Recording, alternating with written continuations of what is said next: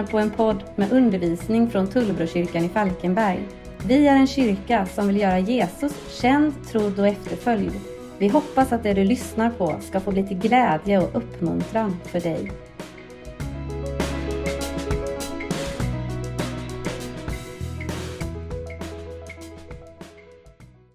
De här senaste söndagarna här i Tullbrokyrkan så har ju gudstjänsterna handlat om temat växt. Och det har varit fokus på hur din och min relation till Gud kan få växa. Hur den kan få bli djupare och mer äkta. Och jag vill ju fortsätta predika utifrån detta temat den här söndagen. Och som jag sa innan, min rubrik är Rötter som ger växt.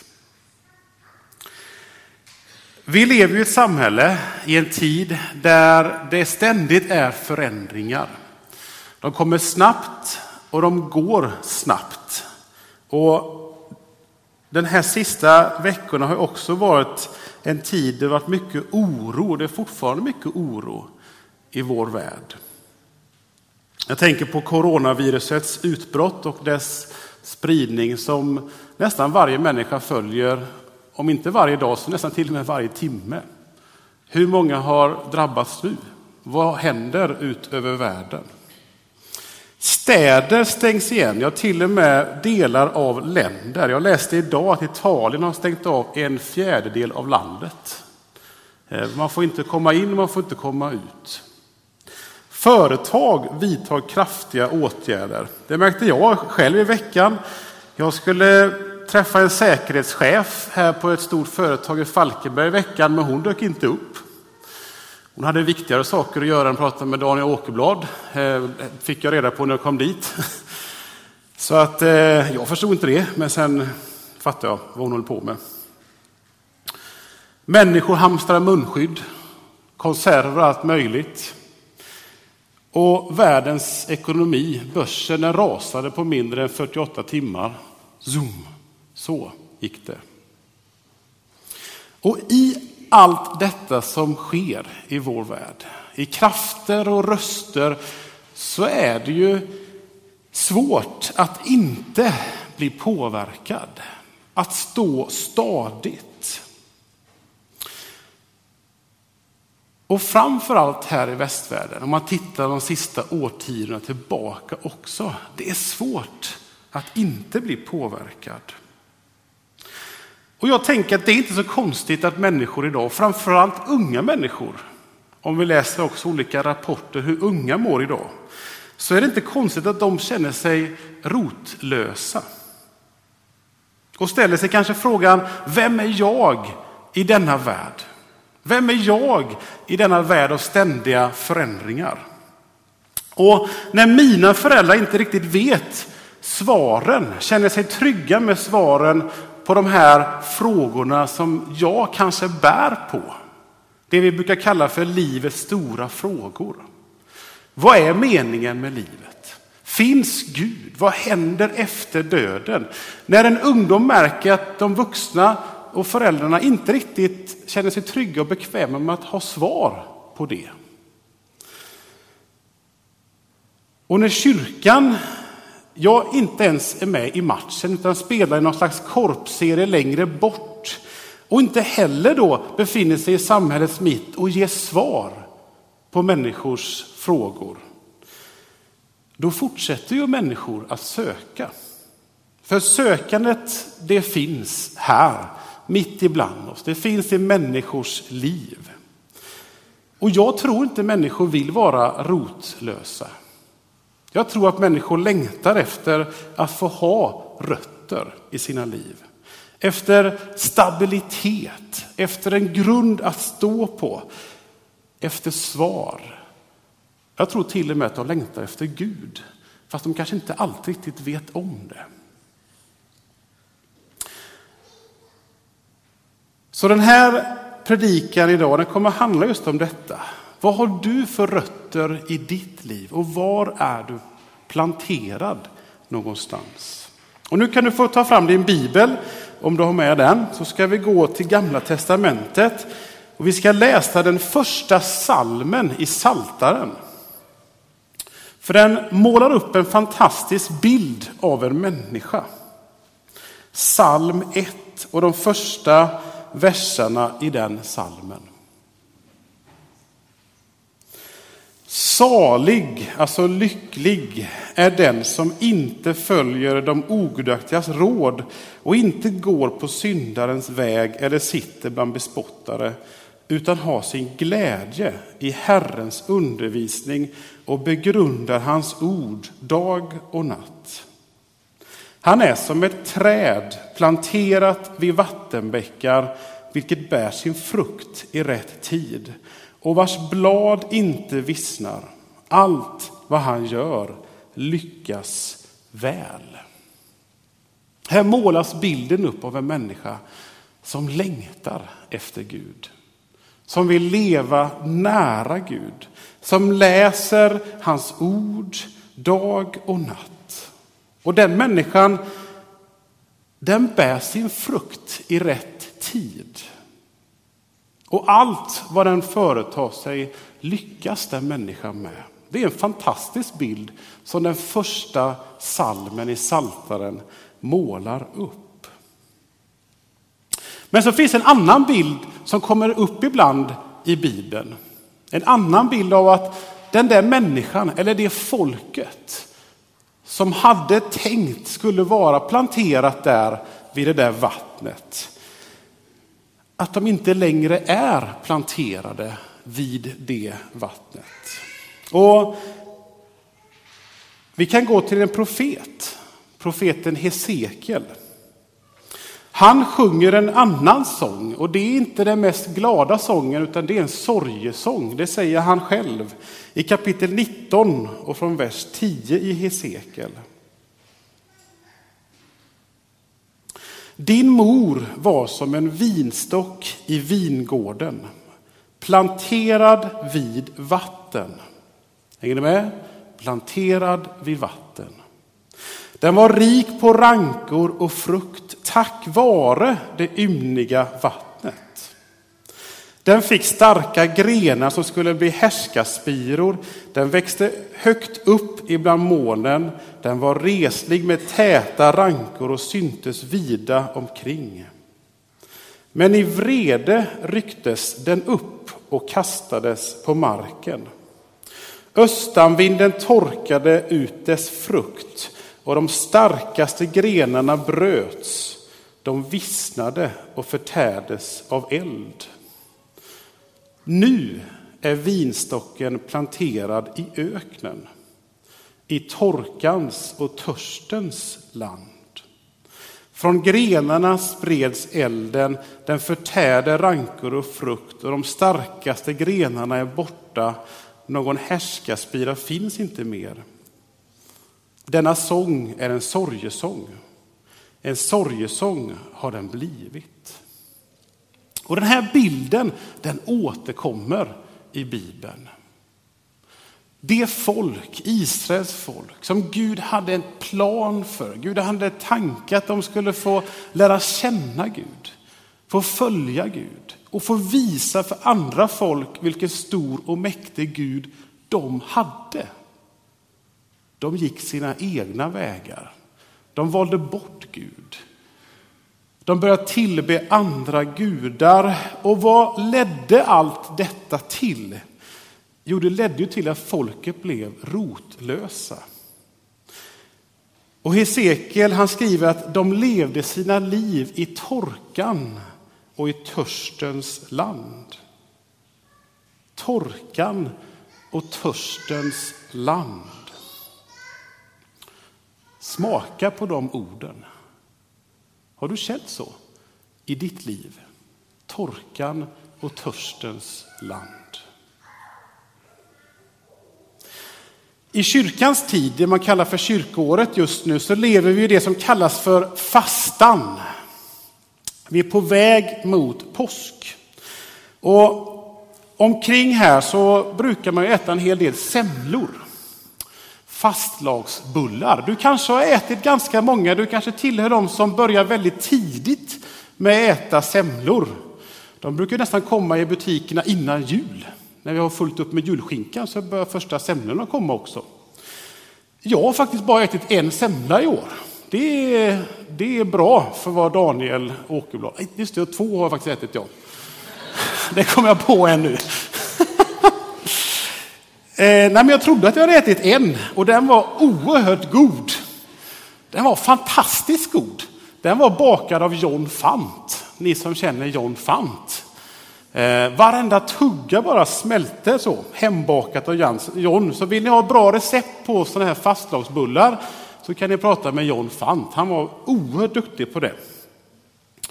Eh, och fastan, den har ju sina rötter i Bibeln och Guds folk. Och det märker vi inte av så mycket i vårt samhälle egentligen när vi pratar om fastlagsbullar och annat. Men så är det. Israels folk, de fastade gemensamt. Som ett folk. Det var till och med bestämt i Moses lag att inför den stora försoningsdagen som för oss blir på hösten så fastar man mitten från september till mitten på oktober inför försoningsdagen. Och man kan också läsa i Gamla Testamentet att man fastade både under tiden som man var fångar i Babylon och efter tiden i Babylon. Fyra gånger per år. Och andra tillfällen som man fastade som ett folk var vid större katastrofer. När landet var i sorg. Eller när man verkligen uttryckte att nu behöver vi hjälp utav Gud. Nu måste vi fasta. Och man kan också läsa både Gamla Testamentet och Nya Testamentet att också enskilda människor, individer, fastade och bad.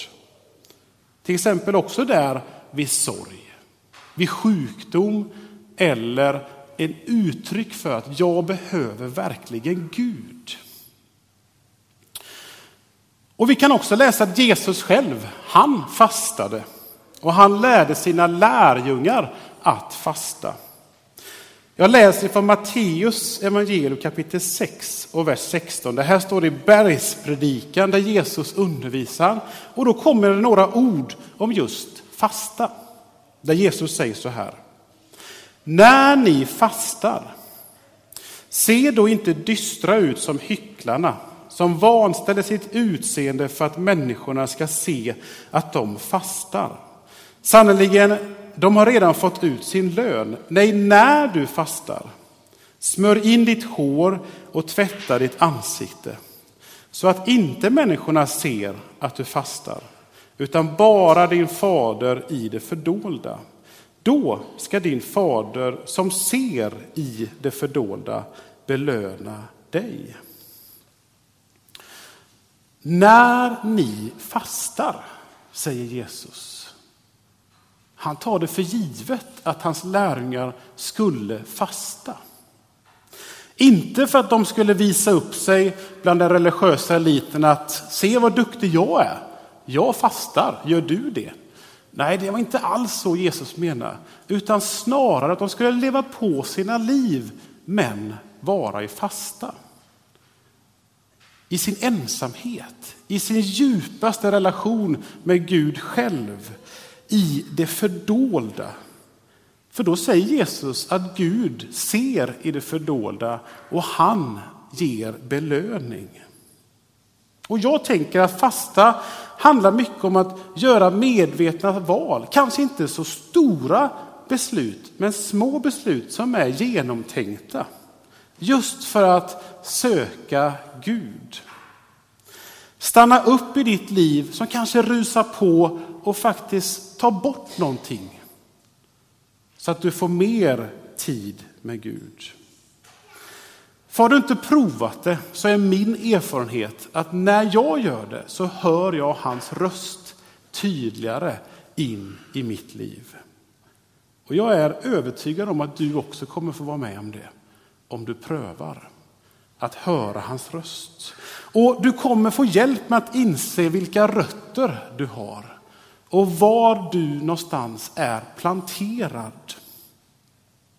Om du är planterad nära livets vatten eller om du befinner dig i torkan och törstens land. Och jag tänker att fasta också handlar mycket om att faktiskt falla ner på knä inför Fadern. Det gör vi inte så ofta i våra kyrkor idag. Jag har fått höra att det gjorde vi betydligt oftare förr i tiden. Man kanske fortfarande gör det i andra kyrkor ut över världen, men här i Sverige så har vi inte så mycket knäskav precis. Men jag tänker att det handlar om att det är en handling i mitt liv, ett beslut där jag ödmjukar mig för att inse mitt beroende utav Gud. Precis som de första kristna gjorde. Och nu ska vi läsa en bön som har funnits med ända sedan de första lärjungarna. Du kan slå upp brevet till Efesos. Där finner vi en av kyrkans äldsta böner och den börjar med just dessa ord i eh, kapitel 3 och vers 14. Därför vill jag falla på knä för Fadern efter vilken allt vad Fader heter i himlen och på jorden har sitt namn. Måtte han i sin härlighets rikedom ge kraft och styrka åt er inre människa genom sin ande. Så att Kristus genom tron kan bo i era hjärtan med kärlek. Stå fasta och var stadigt rotade i honom så att vi tillsammans med alla de heliga förmår fatta bredden och längden och höjden och djupet och lära känna Kristi kärlek som är väldigare än all kunskap. Tills hela Guds fullhet uppfyller er. Han som verkar i oss med sin kraft och förmår göra långt mer än vi kan begära eller tänka. Hans är härligheten genom kyrkan och genom Kristus Jesus i alla släktled i evigheters evighet. Amen. Vilken fantastisk bön som har levt med kyrkan och lärjungarna i alla tider. Och låt oss bara stanna upp en liten tid och bara fundera på denna bön. Vad säger egentligen den här bönen? Om vi börjar med denna fråga, vem är det som ska ge oss kraft? Jo, det är ju Gud som vill ge dig kraft och styrka i din inre människa. Hur då? Jo, genom sin ande vill han ge dig styrka och kraft. Och varför vill han det då? Jo, så att Kristus kan bo i ditt hjärta med sin kärlek. Och vad kommer hända då i våra liv om han får bo där med sin kärlek? Jo, då kommer vi stå fasta och vara stadigt rotade i honom. Och när vi blir det, rotade i honom, då får vi tillsammans med alla de andra börja förstå mer av bredden och längden och höjden och djupet, hur man nu gör det, av hans kärlek. Hans stora kärlek. Och jag tänker att det är när vi lär känna Guds kärlek som han planterar oss nära hans vatten. Där våra rötter får sträcka sig ut. Där vi får börja växa i Guds rike. Och Guds stora kärlek för dig bort ifrån torkan och törstens land till hans land. Till hans rike, till hans trädgård där du får bli planterad med ditt liv. För det är när vi är i Guds närhet som du och jag förvandlas i våra hjärtan och våra liv, våra tankar och våra sinnen. Där förvandlas vi. Och när vi är i hans närhet, då vacklar inte vi. Då står vi fast när vi är stadigt rotade. Precis som kung David sjunger ut i psalm nummer 16. Psalm 16 och vers 7 så sjunger David ut så här. Jag vill prisa Herren för han ger mig råd. Mitt inre förmanar mig om natten. Jag har alltid Herren inför mig. När han står vid min sida så vacklar jag inte. Därför gläds mitt hjärta och jublar. Min kropp är i trygghet. Ty du lämnar mig inte åt dödsriket. Du låter inte din trogne se graven. Du visar mig vägen till liv. Hos dig finns glädjens fullhet, ständig ljuvlighet i din högra hand. Hans hand, samma hand som vill omsluta dig på alla sidor. Han, när han står vid din sida så vacklar du inte. Din kropp är i trygghet och han kommer inte lämna dig, inte ens i dödsriket, säger kung David. Så låt Gud få tala till dig denna dag, denna söndag, om dina rötter. Och var är du planterad någonstans? Han vill föra dig bort ifrån torkan och törstens land till hans land, nära det levande vattnet. Och där får du för första gången, eller på nytt, få lära känna hans kärlek, bredden och längden, höjden och djupet och bli förvandlad inifrån och ut. Ska vi be tillsammans.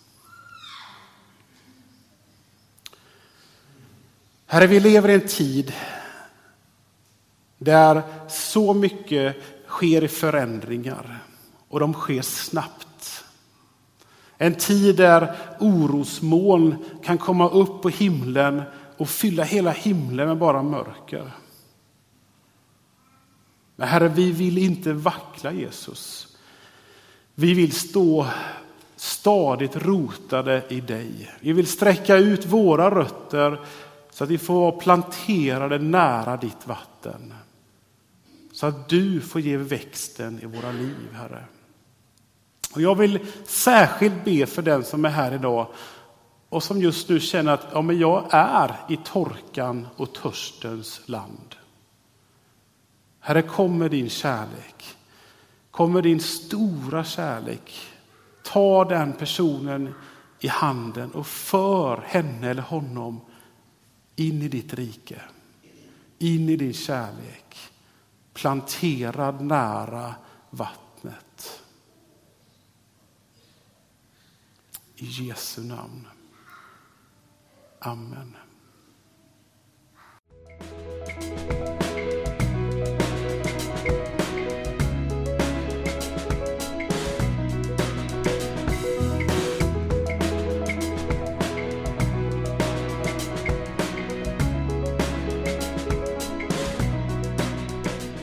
Du har lyssnat på en podd från Tullbrokyrkan. Du är alltid välkommen till våra gudstjänster på Halmstadvägen 5 i Falkenberg. Besök oss gärna på tullbrokyrkan.se för mer info eller sök på Tullbrokyrkan på sociala medier.